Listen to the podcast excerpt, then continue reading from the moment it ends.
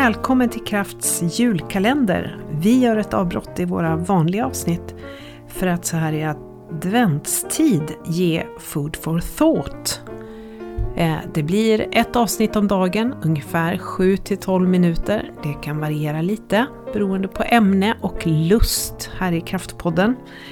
Eh, men på det här enkla viset så skulle vi vilja ge lite ny energi och kanske lite tankeväckande insikter eller frågor för dig. Och eh, vi hoppas att eh, du som lyssnar ska tycka att det här inspirerar och vi vill samtidigt passa på att önska dig en riktigt fin decembermånad. Och så småningom en riktigt god jul och ett gott nytt år.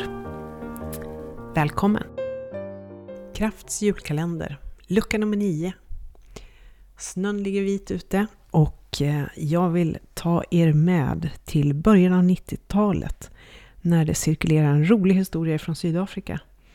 Eh, landet hade överväldigande problem, utmaningar kopplat till apartheid.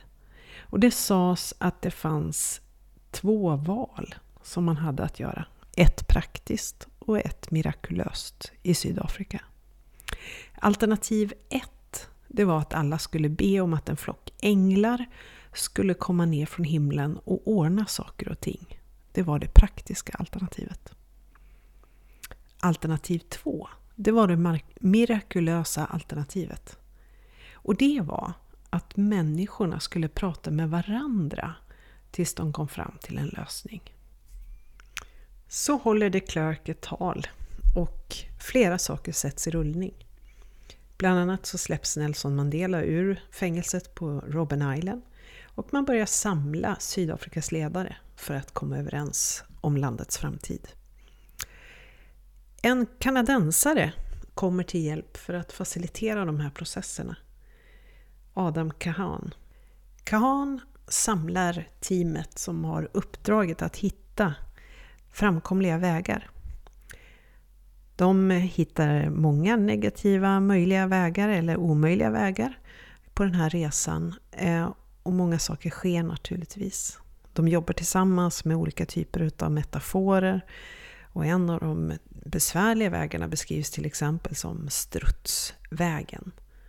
Men så kommer de i alla fall fram till ett positivt scenario som handlar om att regeringen skulle anta ett antal hållbara policies som skulle sätta igång en inkluderande ekonomisk tillväxt och borga för att det blev demokrati och att eh, det skulle bli en återuppbyggnad utav ekonomin.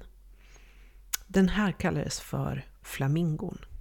Och flamingon gav en bild av, eller skulle föra tankarna till, en bild av en flock vackra fåglar som lyfter och flyger iväg tillsammans. Och den bilden motiverade, inspirerade för den förändring som kom. En kollektiv visionsskapande möjlighet. Så istället för att tala om vad andra borde göra och för att stödja en fastställd agenda så formar man en metafor som satte fokus på riktning och ledning åt rätt håll. Det var ingen detaljerad plan, utan det var mer en vision. En trovärdig vision som banar väg för att andra att ansluta sig, känna igen bilden och att kunna hitta tro på bilden. Det här med visionsskapande ledarskap är viktigt och eh, också en färdighet. Att vara visionsskapande ledare handlar om, att för, om förmågan att måla en framtidsbild. Det är också en dynamisk process, precis som meningsskapande. Eh, man gör det i samarbete med andra, det är en kreativ process och det är en handlingsorienterad färdighet. Det vill säga, den har fokus på vart ska vi och vad gör vi för att komma dit. Visioner som inte ger en känsla, liksom, det är ju ingen vision, tänker jag. Man vill ju beröra människor med visioner. Visioner är ju bilder, metaforer, det är kanske en story, en berättelse som skapar känslor som gör att jag blir inspirerad, motiverad och vill följa med. Visionsskapande ledare de använder flitigt bilder, metaforer för att skapa framtiden. De väcker känslor hos oss och de formulerar sig så att vi blir inspirerade. Det är ledare som går före och visar vägen men också som entusiasmerar och ger plats och motiverar andra att följa och ta plats och vara del av visionen. En vision ska skapa känslor, en gemensam riktning. Ofta så upplever jag när jag är ute i organisationer att visionen underkommuniceras. Det vill säga man pratar inte tillräckligt om den. Man har skrivit den med några ord på en vägg, man har det på en tavla i en, ett företags eh, lokaler eller sådär. Men det är sällan man hör dem nämnas. Eller att man påminner eller jobbar med visionen. Visionen ska ju vara dynamisk, den ska liksom leva i organisationen tänker jag. Eh, så vart är ni på väg och hur pratar ni om visionen och att använda olika ord och språk för att tala om vart vi är på väg, det tror jag är viktigt faktiskt. Och framförallt, visioner ska väcka känslor. Alltså det ska väcka någon känsla av att jag vill vara med. Jag vill åt det här hållet tillsammans med övriga av oss i organisationen. Att jag får känna stolthet över att tillhöra och vara inspirerad för att få bidra.